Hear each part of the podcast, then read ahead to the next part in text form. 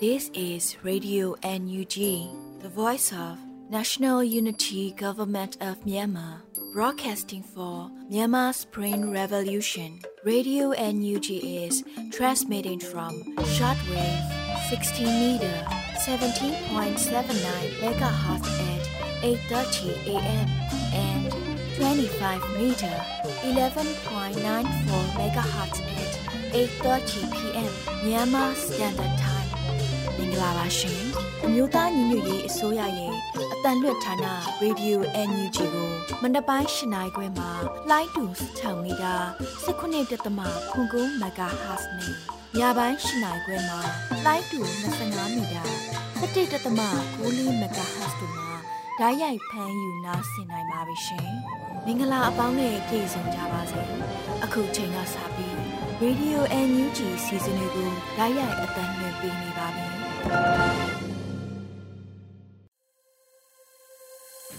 မြန်မာနိုင်ငံသူနိုင်ငံသားအပေါင်းတဘာဝဘေးစစ်အာဏာရှင်ဘေးတို့ကနေကင်ဝေးပြီးဘေးကင်းလုံခြုံကျန်းမာကြပါစေကြောင်းရေဒီယို UNG အဖွဲ့သားများကဆုတောင်းမြတ်တာပို့သလိုက်ရပါတယ်ရှင်ပထမဆုံးအနေနဲ့ရေဒီယို UNG ရဲ့နောက်ဆုံးရပြည်တွင်သတင်းများကိုအေရီမှဖတ်ကြားတင်ဆက်ပေးမှာဖြစ်ပါတယ်ရှင်။မင်္ဂလာမနက်ခင်းပါရှင်2023ခုနှစ်ဩဂုတ်လ9ရက်နေ့ရေဒီယိုအန်ယူဂျီမနက်ခင်းပြည်တွင်းသတင်းတွေကိုတင်ပြပေးတော့မှာဖြစ်ပါတယ်ကျွန်မကတော့အေရီပါရှင်စစ်ကောင်စီလက်အောက်မှာတာဝန်ထမ်းဆောင်နေတဲ့စစ်သားတွေနဲ့တပ်မိသားစုဝင်တွေကိုအမြင့်မှန်ရအောင်လူလူနိုင်ငံရေးနည်းသုံးဖို့ယာယီသမရပြောကြားလိုက်တဲ့သတင်းနဲ့စတင်ကြပါမယ်စစ်ကောင်စီလက်အောက်မှာတာဝန်ထမ်းဆောင်နေတဲ့စစ်သားတွေနဲ့တက်မိသားစုဝင်တွေအမြင်မှန်ရဖို့လူမှုနိုင်ငံရေးနည်းလမ်းကိုသုံးဖို့ယာယီသမရဒူဝါလက်ရှိလာကအခုလိုပဲပြောကြားလိုက်ပါတယ်ကျွန်တော်တို့ဟာလူလူနိုင်ငံရေးလမ်းစဉ်ကိုအမြင်ကျကျနဲ့ဆက်လက်ချဲ့ထွင်လှုပ်ဆောင်ကြဖို့အထူးတိုက်တွန်းလိုပါတယ်။ဒါအပြင်စစ်ကောင်စီရဲ့နိုင်ငံရေးလှည့်ပြောင်းမှုတွေကြားထဲမှာပြည်သူတွေဝေဝါးထွေပြားတာမျိုးမဖြစ်သွားဖို့အမြဲနိုင်ငံရေးတတိရှိစေဖို့တိုက်တွန်းလှုံ့ဆော်သင့်ပါတယ်။စစ်ကောင်စီလက်အောက်မှာတာဝန်ထမ်းဆောင်နေတဲ့စစ်သားတွေနဲ့တပ်မိသားစုဝင်တွေကိုလည်းအမြင့်မှန်ရအောင်လူလူနိုင်ငံရေးနည်းတွေကိုသုံးပြီးလှုပ်ဆောင်မှုလိုပါတယ်ကျွန်တော်တို့ဟာလူမှုနိုင်ငံရေးလမ်းစဉ်ကိုကျေပြန့်နိုင်သမျှကျေပြန့်အောင်ချဲ့ထွင်နေမှသာလျှင်လူမှုရဲ့နိုင်ငံရေးအခမ်းကဏ္ဍကကျေပြန့်လာပြီးမျိုးဦးတော်လှန်ရေးရဲ့ရည်မှန်းချက်ပန်းနိုင်တွေဟာအမြန်ပြီးမြောက်အောင်မြင်နိုင်မယ်လို့ယာယီသမ္မတကဆိုပါတယ်2021ခုနှစ်စက်တင်ဘာလကနေယနေ့အချိန်ထိဗိုလ်မှူးကြီးအဆင့်ကနေအောက်ခြေရဲဘော်အထိပါဝင်ပြီးပြည်သူရင်ဝင်ခိုးလုံလာသူ14000ခန့်ရှိလာပြီလည်းဖြစ်ပါတယ်ရှင်။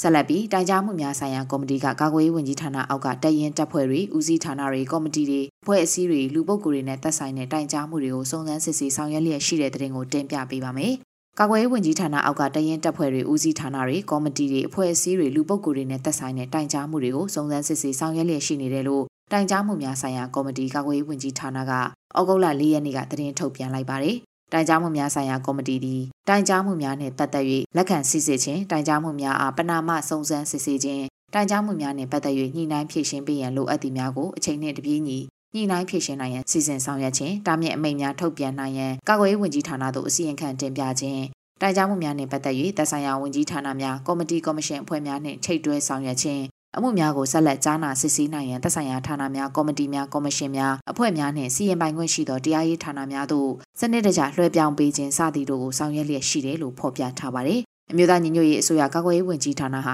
2023ခုနှစ်မေလ1ရက်နေ့အမိန့်ကြေညာစာအမှတ်33မြင်းဆောင်2023နဲ့တိုင်ကြားမှုများဆိုင်ရာကော်မတီကိုဖွဲ့စည်းခဲ့တာဖြစ်ပါတယ်ရှင်။တရားရီအကျဉ်းထောင်မှာနိုင်ငံရေးအကျဉ်းသားတွေကိုရိုက်နှက်ပြီးတိုက်ပိတ်မှုကြောင့်ပြင်းထန်ဒဏ်ရာတွေနဲ့မေမျောသူတချို့ရှိခဲ့တဲ့တဲ့တင်ကိုတင်ပြပေးပါမယ်အဆိုပါဖြစ်စဉ်ကိုတာရီအချင်းထောင်ကလူငိမ့်သက်တာနဲ့ပါလာတဲ့နိုင်ငံရေးအကျဉ်းသားတချို့ထံကနေသိရှိရတာဖြစ်ပါတယ်။တာရီအချင်းထောင်မှာကိုတန်းတိုးအောင်ကိုရနိုင်ဆိုကိုလှဆိုစုပ်ဖွားကြီးတာမွေကိုဇွဲခေါ်ကိုခင်မောင်ကျော်နဲ့လက်ဗရန်မှအိုပြီးစီရီယံဗိုလ်ကြီးတယောက်နဲ့တခြားသောနိုင်ကျဲအမျိုးသားပေါင်း16ဦးကိုထောင်တွင်းဓမာယုံရှိကွင်းပြင်မှာခြေချင်းနဲ့6လက်မထောင်ထည့်ပြီးပုံစံ၄ပုံစံ၅ပုံစံကြီးမောင်း၍ရိုက်နှက်ပြီးတိုက်ပိတ်ထားခဲ့တယ်လို့သိရပါတယ်ကိုတန်းတိုးအောင်နဲ့အပေါင်းပါလေးဦးတို့ဟာရိုက်နှက်ခံပြီးတိုက်ထဲသို့ပို့အပြီးမှာတိုက်အတွင်းမှာမေမျောသွားတဲ့အတွက်ထောင်နှင်းစေးရုံကိုပို့ဆောင်ထားရတယ်လို့သိရပါတယ်။ကိုတန်းတိုးအောင်ကိုဥဆောင်သူလို့ဆိုပြီးထောင်နှင်းစေးရုံမှာရေးပေါ်အခြေအနေနဲ့စေကူတာမပေးဘဲထားရှိထားတယ်လို့ကြားသိရပြီးတိုက်အတွင်းကအကျဉ်းချဆရာဝန်တဦးကကိုတန်းတိုးအောင်ဦးကောင်မှာသွေးခဲတံရရရှိထားတဲ့အခြေအနေဖြစ်တယ်လို့လည်းပြောဆိုခဲ့တယ်လို့လည်းသိရှိရပါတယ်ရှင်။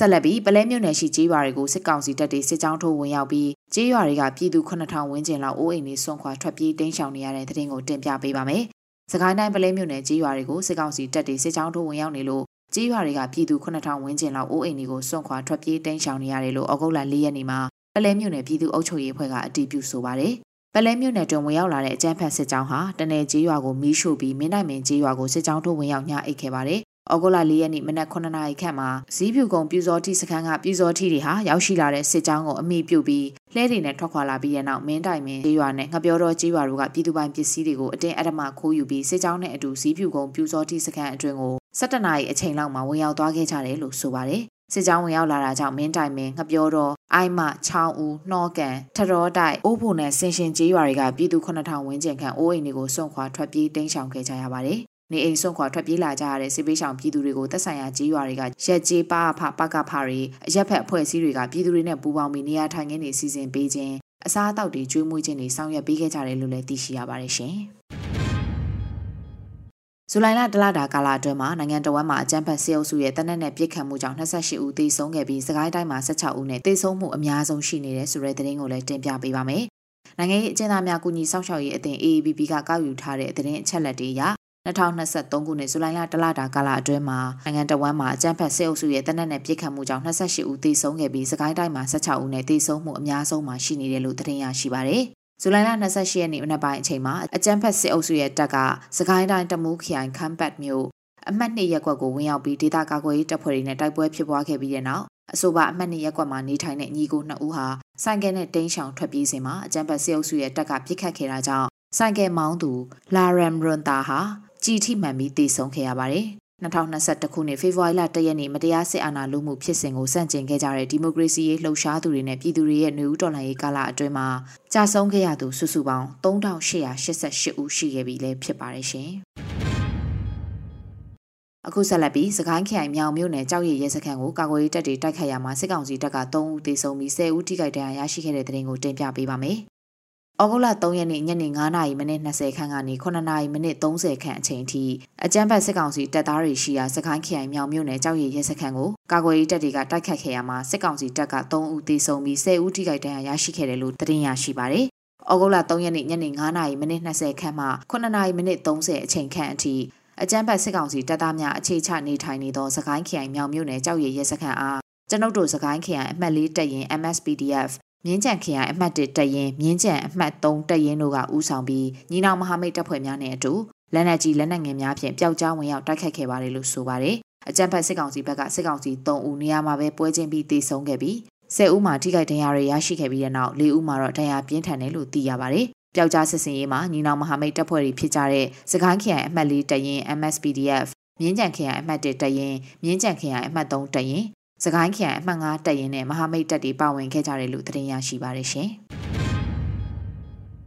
ပခုတ်ကူကားလမ်းမကြီးပေါ်မှာလမ်းသွားလမ်းလာကုန်တယ်မော်တော်ယာဉ်တွေထံကငွေညစ်တောင်းခံမှုတွေပြုလုပ်နေတဲ့ရေစကြိုမြို့နယ်စင်ချောင်းပြူစောထီရွာကအကြမ်းဖက်စစ်ကောင်စီတပ်တွေပြူတွေကိုဝေဟင်ကနေတိုက်ခတ်ခဲ့တဲ့တဲ့တင်ကိုလည်းဆက်လက်တင်ပြပေးပါမယ်။ပခုတ်ကူကားလမ်းမကြီးပေါ်မှာအပြစ်မဲ့မိဘပြည်သူတွေလမ်းသွားလမ်းလာကုန်တဲ့မော်တော်ယာဉ်တွေထံကနေငွေညစ်တောင်းခံမှုတွေပြုလုပ်နေတဲ့ရေစကြိုမြို့နယ်စင်ချောင်းပြူစောတိကျေးရွာကအကြမ်းဖက်စစ်ကောင်စီတပ်တွေနဲ့ပြူတွေကိုဝေဟင်ကနေတိုက်ခိုက်ခဲ့တယ်လို့ရေစကြိုပကဖကအော်ဂုလာ၄ရက်နေ့မှာအတည်ပြုဆိုပါတယ်။ပခုတ်ကူကားလမ်းမကြီးပေါ်မှာအပြစ်မဲ့မိဘပြည်သူတွေလမ်းသွားလမ်းလာကုန်တဲ့မော်တော်ယာဉ်တွေထံကနေငွေညစ်တောင်းခံမှုတွေမတရားဖမ်းဆီးအေးအေးမှုတွေပြုလုပ်နေတဲ့ရေစကြိုမြို့နယ်စင်ချောင်းပြူစောတိရွာကအကြမ်းဖက်စစ်ကောင်စီတပ်တွေပြူတွေကိုကျွန်တော်တို့စလင်ကြီး Special Task Force SSTF ရှာထူဝါနီးပညာတပ်ဖွဲ့ Team 4ရှာထူဝါနီးပညာတပ်ဖွဲ့ Team 3 PDAF မြောင် Special Drone Force MSDF မှနယ်မြေခံရေစကြိုမြို့နယ်ပြည်သူ့ကာကွယ်ရေးတပ်ဖွဲ့ YSO ပါကဖ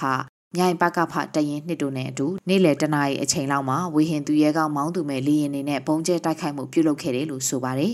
ညနေ9နာရီအချိန်ခန့်မှာလဲမြိုင်မြို့ပေါ်ရှိအကြမ်းဖက်အာဏာသိမ်းစစ်ကောင်စီတပ်တွေအထိုင်ချတပ်ဆွဲထားတဲ့ရဲစခန်းပေါ်ကိုကျွန်တော်တို့ညီနောင်မဟာမိတ်၃ဖွဲ့နဲ့အတူ drone အဖွဲ့တွေကမောင်းသူမဲ့လေယာဉ်တွေနဲ့အတူဘုံသီး၅လုံးနဲ့ကောင်းကင်ဝေဟင်မှာဘုံကျဲတိုက်ခိုက်မှုပြုလုပ်ခဲ့ပါတယ်လို့လဲဆိုထားပါတယ်ရှင်။အခုနောက်ဆုံးတင်ပြပေးမှာကတော့ဖက်စစ်ဝင်ငွေဖြတ်တောက်ပြည်သူ့ဘဏ္ဍာတိဆောက်ဘဏ္ဍာကင်ဆယ်ပြီးလူမှုတပိတ်ကိုတဝက်ခရိုင်လောင်းလုံးမြို့နယ်မှာလှုပ်ရှားခဲ့တဲ့တဲ့တင်ကိုတင်ပြပေးပါမယ်။ဒဝဲခရိုင်လောင်လုံးမြို့နယ်မှာအောက်တိုဘာ၄ရက်နေ့နေ့လယ်မှာဒဝဲခရိုင်ဒီမိုကရေစီအရေးလှုပ်ရှားမှုတပိတ်ကော်မတီ DDMSC မှဦးဆောင်ပြီးဖက်စစ်ဝင်ငွေဖြတ်တောက်ပြည်သူဖန္နာတိဆောက်ဖန္နာကင်ဆွဲပြီးဆရာနာရှင်စနစ်စန့်ကျင်ရေးလူထုတပိတ်လှုပ်ရှားမှုပြုလုပ်ခဲ့ပါတယ်။အာနာသိန်းစစ်ကောင်စီဟာဆရာနာသိန်းပြီးချိန်ကစပြီးပြည်သူလူထုကိုအကြောင်းမျိုးမျိုးပြဖမ်းဆီးနှိပ်စက်တပ်ဖြတ်နေတာအပြင်ပြည်သူတွေရဲ့အိုးအိမ်စည်းစိမ်တွေကိုပါလူယူဖျက်ဆီးအကြမ်းဖက်မှုတွေကိုနေ့စဉ်နဲ့အမျှကျူးလွန်ရရှိနေပါတယ်ရှင်။အခုတင်ပြပေးခဲ့တဲ့သတင်းတွေကိုတော့ Radio NUG သတင်းတောက်မင်းတီဟန်ကပေးပို့ထားတာဖြစ်ပါရဲ့ရှင်။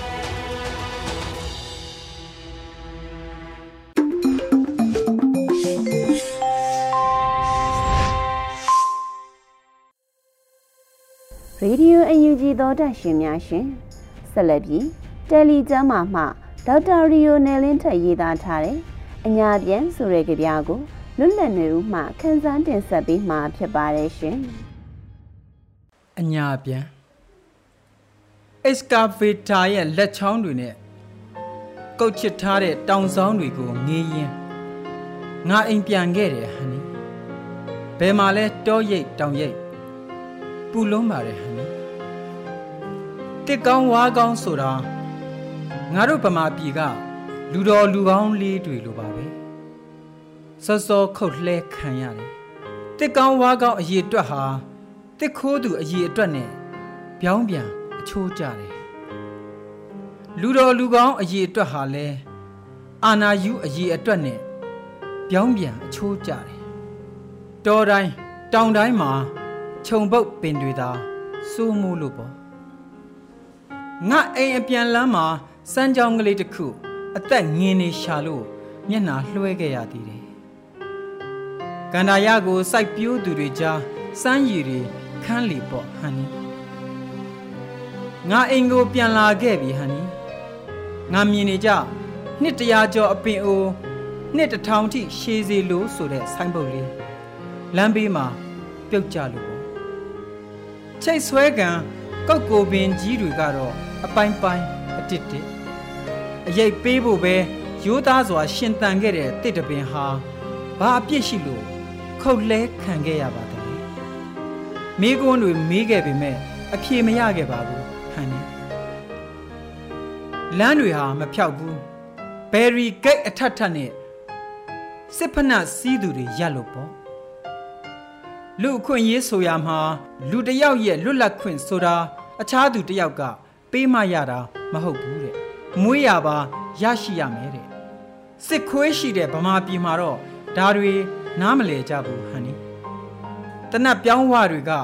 ငါတို့စီမျက်နှာမူနေတော့ခေါင်းငုပ်ပြီးထွက်လာခဲ့ရတယ်။ခါတီလွန်ပါတယ်ဟန်နီ။ငါအိမ်ရောက်လူနေပြီ။နှွေနေပူပူကြီးမှာလှဲတွေလှဲတွေလူတွေလူတွေ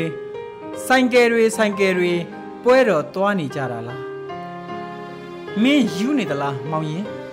စစ်ကြောင်းထိုးလို့ထွက်ပြေးလာကြသူတွေကပြောတယ်။ဘာတွေဖြစ်နေတာလဲထနှောင်းပင်တွေကိုမြင်နေရပါပြီထမ်းပင်တွေကိုမြင်နေရပါပြီဖုန်လုံးကြီးတွေကိုမြင်နေရပါပြီငါအိမ်ပြန်ရောက်ခဲ့ပြီဟန်နီငါအိမ်လေးဟာပြာမှုံတွေအဖြစ်လေမာမျောလွင့်လို့ပေါ့ဒေါက်တာဘီယိုနယ်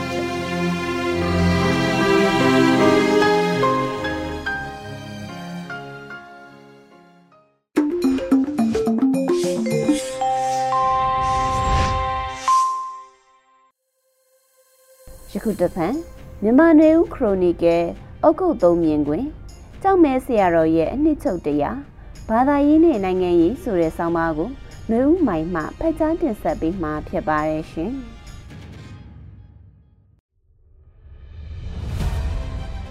မြန်မာနွေဦးခရိုနီကယ်ဩဂတ်3ရက်မုံမခမြင်ကွင်းကြောင်မဲဆရာတော်ရဲ့အနှစ်ချုပ်တရားဘာသာရေးနဲ့နိုင်ငံရေးဆိုတဲ့ဆောင်းပါးကိုဖတ်ကြားပေးသွားပါမယ်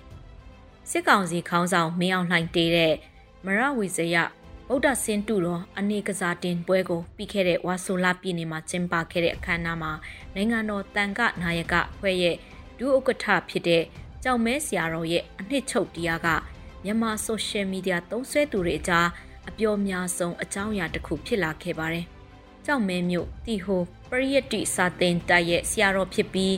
ဘွဲ့နာမည်ထက်သတင်း300မြို့နာမည်ကိုအစွဲပြုတ်ပြီးကြောင်မဲဆရာတော်လို့ခေါ်ဆိုကြတဲ့ဆရာတော်ကမကောင်းတဲ့အလုပ်မလုပ်ဖို့ကောင်းတဲ့အလုပ်လုပ်ဖို့နဲ့စိတ်ကိုဖြူစင်အောင်ထားဖို့ဖျားဟောတွေရဲ့အနှစ်ချုပ်သဘောနဲ့1မိနစ်2မိနစ်အတွင်းအနှစ်ချုပ်ဟောကြားခဲ့ရမှာမကောင်းတဲ့အလုပ်မလုပ်ဖို့ဆိုတဲ့စကားလုံးကစစ်ခေါင်းဆောင်လှုပ်ဆောင်နေတဲ့အရာတွေကိုရှင်ညွန်ပြောဆိုရလို့အများပရိသတ်ကအတိတ်ပဲကောက်ယူကြပြီးလက်ရှိတိုင်းပြည်မှာဖြစ်ပျက်နေတဲ့တပ်ဖြတ်မှုတွေနှိပ်စက်ညှဉ်းပန်းမှုတွေ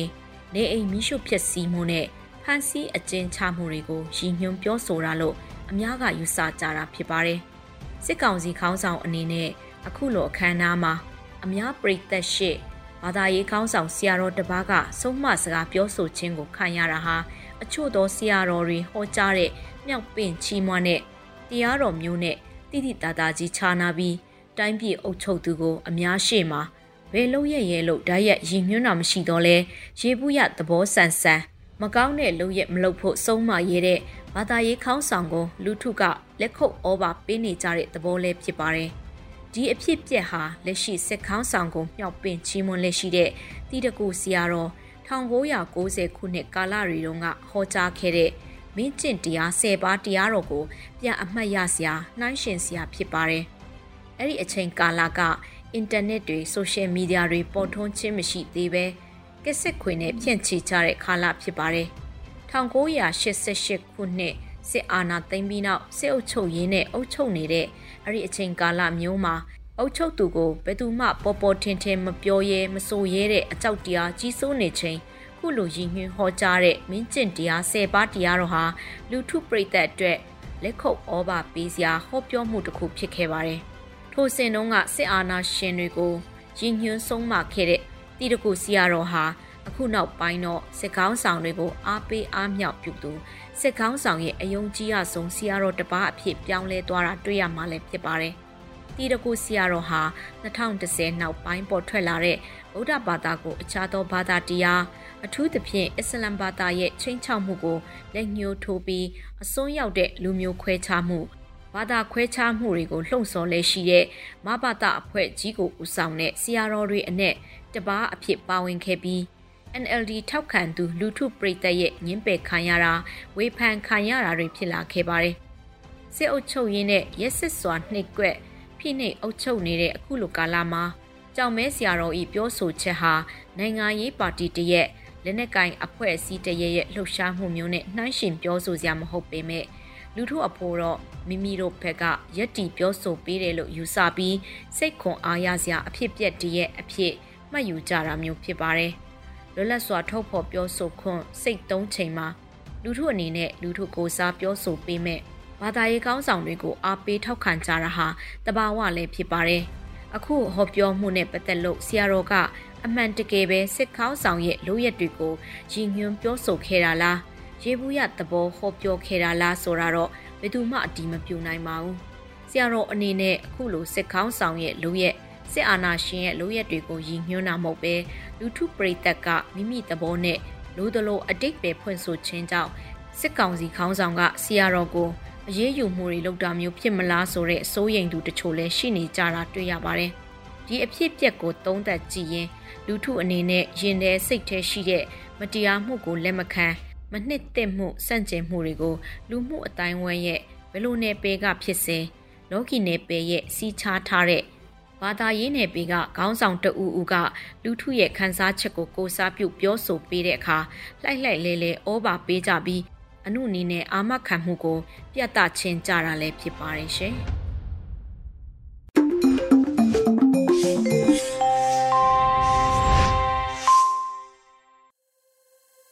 ရေဒီယိုအယူကြီးမှဆက်လက်တမ်းလှည့်နေပါတယ်။ရှကုတပန် PVTV ရဲ့နေ့စဉ်သတင်းများကိုရိမ့်မှတင်ဆက်ပေးမှာဖြစ်ပါတယ်ရှင်။အခုချိန်ကစပြီး PVTV သတင်းတွေကို တင်ဆက်ပေးတော့မှာပါ။ကျွန်မရိမ့်ပါ။ပထမဆုံးအနေနဲ့တင်ဆက်ပေးခြင်းတဲ့သတင်းကတော့နိုင်ငံတကာအနေနဲ့အကြမ်းဖက်စစ်ကောင်စီကိုပိုပြီးဖိအားပေးကြဖို့နိုင်ငံတော်အတိုင်ပင်ခံပုဂ္ဂိုလ်တာအောင်ဆန်းစုကြည်ရဲ့သားဖြစ်သူတိုက်တွန်းတဲ့သတင်းမှာမကြသေးခင်ကနိုင်ငံတော်အတိုင်ပင်ခံပုဂ္ဂိုလ်တာအောင်ဆန်းစုကြည်နဲ့ပတ်သက်ပြီးအကြမ်းဖက်စစ်ကောင်စီကပြစ်ဒဏ်လျှော့ပေါ်တယ်ဆိုပြီးကြေညာတာနဲ့ပတ်သက်ပြီးတော့လေဒါဟာအကြမ်းဖက်စစ်တပ်ရဲ့မူဝါဒဖြန့်မှုတစ်ခုသာဖြစ်ပြီးဘာမှပိုပြီးထူးခြားမသွားတဲ့ကိစ္စလို့လဲသူကရိုက်တာသတင်းဌာနကို ပြောပါတယ်အမေကိုပြစ်ဒဏ်ကရှော့ပေါ်ပေးတယ်ဆိုတာဘာမှပိုပြီးထူးခြားတာမျိုးမရှိပါဘူးဒါကိုကဘာကြီးကလည်းသိပြီးသားဖြစ်ပါတယ်လို့ကိုထိန်လင်းကပြောကြားခဲ့တာဖြစ်ပါတယ်။ဒါကြောင့်နိုင်ငံတကာအနေနဲ့အကြမ်းဖက်စစ်ကောင်စီကိုပိုပြီးဖိအားပေးတာတွေလှုံ့ဆော်ဖို့နဲ့မြမအရေးကိုပိုပြီးအလေးထားဖို့ကိုလည်းတိုက်တွန်းခဲ့တာဖြစ်ပါတယ်။အကြံပတ်စစ်ကောင်စီဟာ2021ခုနှစ်ဖေဖော်ဝါရီလမှာနိုင်ငံတော်အာဏာကိုအကြမ်းဖက်လူယူခဲ့ပြီးနိုင်ငံတော်အတိုင်ပင်ခံပုဂ္ဂိုလ်ဒေါ်အောင်ဆန်းစုကြည်နိုင်ငံတော်သမ္မတအပါအဝင်ရွေးကောက်ပွဲ အနိုင်ရကိုယ်စားလှယ်တွေကိုဖမ်းဆီးပြီးလက်ရှိအထိအပြစ်မဲ့ပြည်သူတွေကိုဖမ်းဆီးနှိပ်စက်တပ်ဖြတ်မှုတွေဆက်တိုက်ပြုလုပ်နေတာဖြစ်ပါတယ်။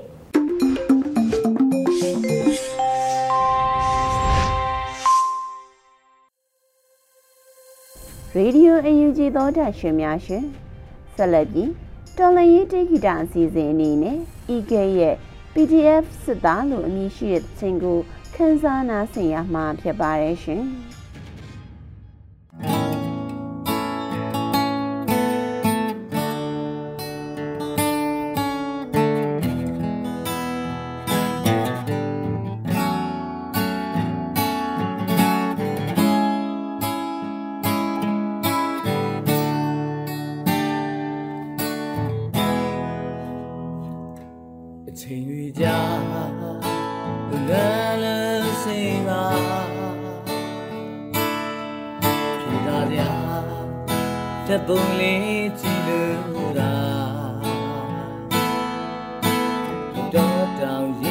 なビリアンイエスだ重罪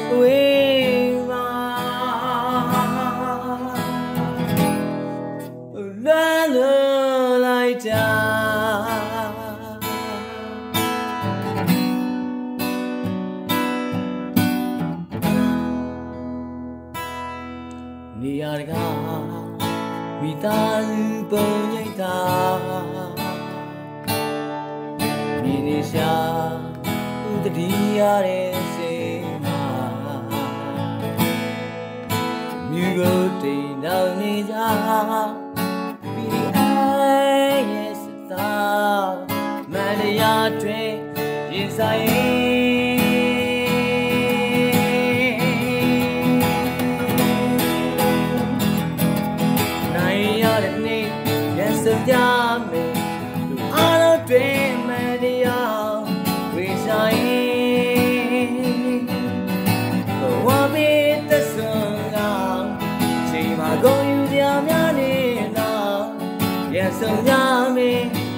tant de gloire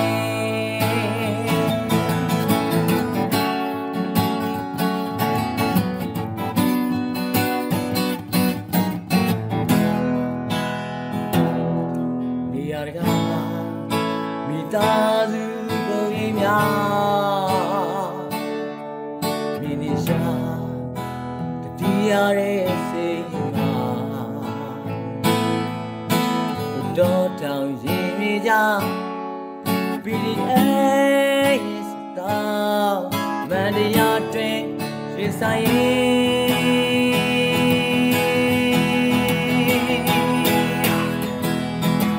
နိုင်ရတဲ့နေ့ရဲ့စံကြသူအားလုံးတွေမတရားဝေရှာရင်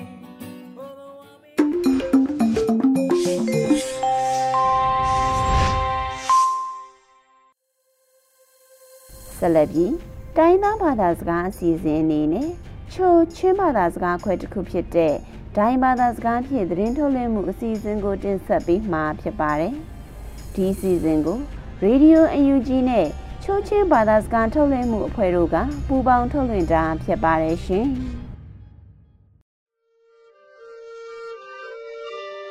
။เซนบากีงอยลับดอติลูไดรีดิโอคุนิงยาอุมลำนี้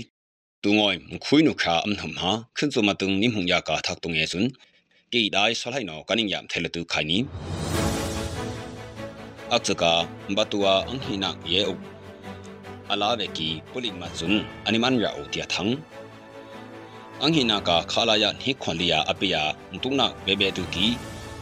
ဇက်ဆာမန်တိကီတီယထန်းအထုနာကာမင်တမ်လူအာဇက်ဆပူအကာအက်လူအနိကာ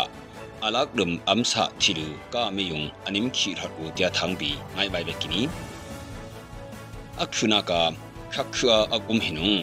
ဘာပေယာဆက်စပူနောဘာမီခခူယာမတ်ယန်ဟိမ်လူစကန်ခွာခခူယာခူချီကီတေထငေညငိုင်ခရေကကီနီ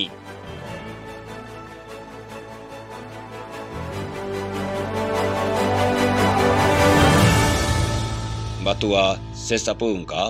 အင္ဟိနာယေဥအလာဝေကီပုလိကမဆုန်စန်ဟက်ယန်တောင္အတုင္ animan ya otilu CDF batuno thang apra hwa ka kini mtu bikham go yak khukung batu ha khalam phanaing nam ya batu khayang gungang laka CDF batuno susena biulu animan wa ka kini tu ye u chamni ongsun chaklong byu bisto man kudwan pung hi yantong makibya khetung atunga animan u anitia kaki mbukha umchanung pi batu setsa piu hangon hanung veki setsa esun CTF batu no ya tu ulu asung piu ham hung bom huk dum bukia bom hum mat ya alak ding mat chi khwa kia ka kini min tap mlu ngo khala yan hi khon le ya api mlu kho ka lam mo khua lam ngo ki setsa po sun do bi kha thum ki ngoi lama CTF min ta no anika tia thang hwa ka kini အရှင်ုံဆက်စပတ်အာမတိကီအနိတယာကကီငွေလာမကဟက်လုံဆဲနထိုင်ကန်ယက်အနိကအီခယာအနိကဟွာကန်ငိုင်တီလူလုဝေမနောပက်ကီနီအရှင်နာငါနာကုံ CTF မင်တတာငီလက်ကီတီလူထန်းအနိပရောင်ဝေကီနီမင်တတာငါနာဒွမ်ဒွမ်လာလူเซซาปูนอข้างาอิมโลเวงนนงอลอกีติลูมลุกเว no pet kia ka kini ni khon li ngon hun pe ya ntu bi khang ngka pu lu se sa da nghi athi lo ko na se sa pu no mlu ma e ya pin man ya tun him lo kia ka kini min w a shi bi mlu khana se sa pu a ka sun ctf min ta no ntu bi kha thum kim hobung et ulu anika ka kini a hinung aktunga polike ทิเกียติลูตุงนากุงปุกิตายิมหูนอเปรตินีอันนี้กุมลอวายทังระองเสกันยาคำมาดังสุดกีอักดมยากังมองตาทิวกิหอยนูดังสุดกีปีนอยกีชานอกันยากาติลูအပနာကကီမင်းဟင်ဘုံငောကီဆက်စပူနောယာကဘဲဥလူနောင်ဘဲခော့ငောဆပီကာတာမီယုံကနိမ်ခီထတ်အိုတီလူတိုင်မှုနောပက်ကီနီချစ်ကီယာရောက်ယာလဲပီအနိယလကလောဘေကောနာဆက်စစ်တူယုံကာဆွန်ဝွိုံဆေကနိမ်ခီအိုအတျာကကီအဟိနုံပိုလိအကဒမ်ချစ်ကီစခမ်ဟုံအောင်မြတ်တူယာအက်ဆေလဲပီဆွန်မင်တတ်ဆေယုံငါယမ်တွင်ချစ်ကီယတီလူဆက်ဆောက်ဥမုံကာထန်းလာလူ HKL မင်တတ်နော်ဆိုရှယ်မီဒီယာစာအုပ်ဟွာကကီနီ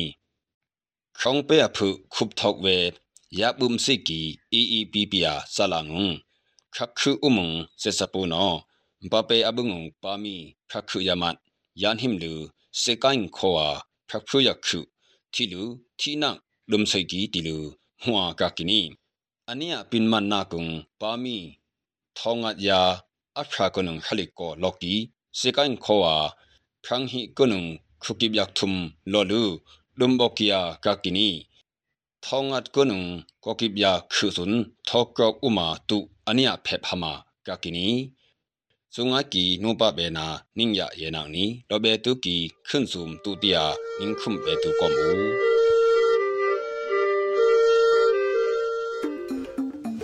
ကနေ့ကတော့ဒီညနေပဲ Radio NUG ရဲ့အစီအစဉ်လေးကိုခေတ္တရ延လာလိုက်ပါမယ်ရှင်။မြန်မာစံတော်ချိန်မနေ့၈နိုင်ခွဲနဲ့ည၈နိုင်ခွဲအချိန်တွေမှာ ပြောင်းလဲဆိုပြကြပါလို့ရှင်။ Radio NUG ကိုမနေ့ပိုင်း၈နိုင်ခွဲမှာလိုင်းတူ16မီတာ19.7 MHz နဲ့ညပိုင်း၈နိုင်ခွဲမှာလိုင်းတူ25မီတာ17.6 MHz တို့မှာဓာတ်ရိုက်ဖမ်းနာဆင်နိုင်ပါပြီရှင်။မြန်မာနိုင်ငံသူနိုင်ငံသားများကိုစိတ်နှဖျားစမ်းမချမ်းသာလို့ဘေးကင်းလုံခြုံကြပါစေလို့ရေဒီယို NUG ရဲ့ဖွဲ့သူ ဖွဲ့သားများက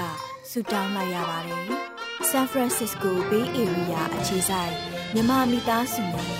နိုင်ငံတကာကစေတနာရှင်များလို့အားပေးကြရဲ့ Radio NUG ဖြစ်ပါတယ်ရှင်။အရေးတော်ပုံအောင်ရမည်။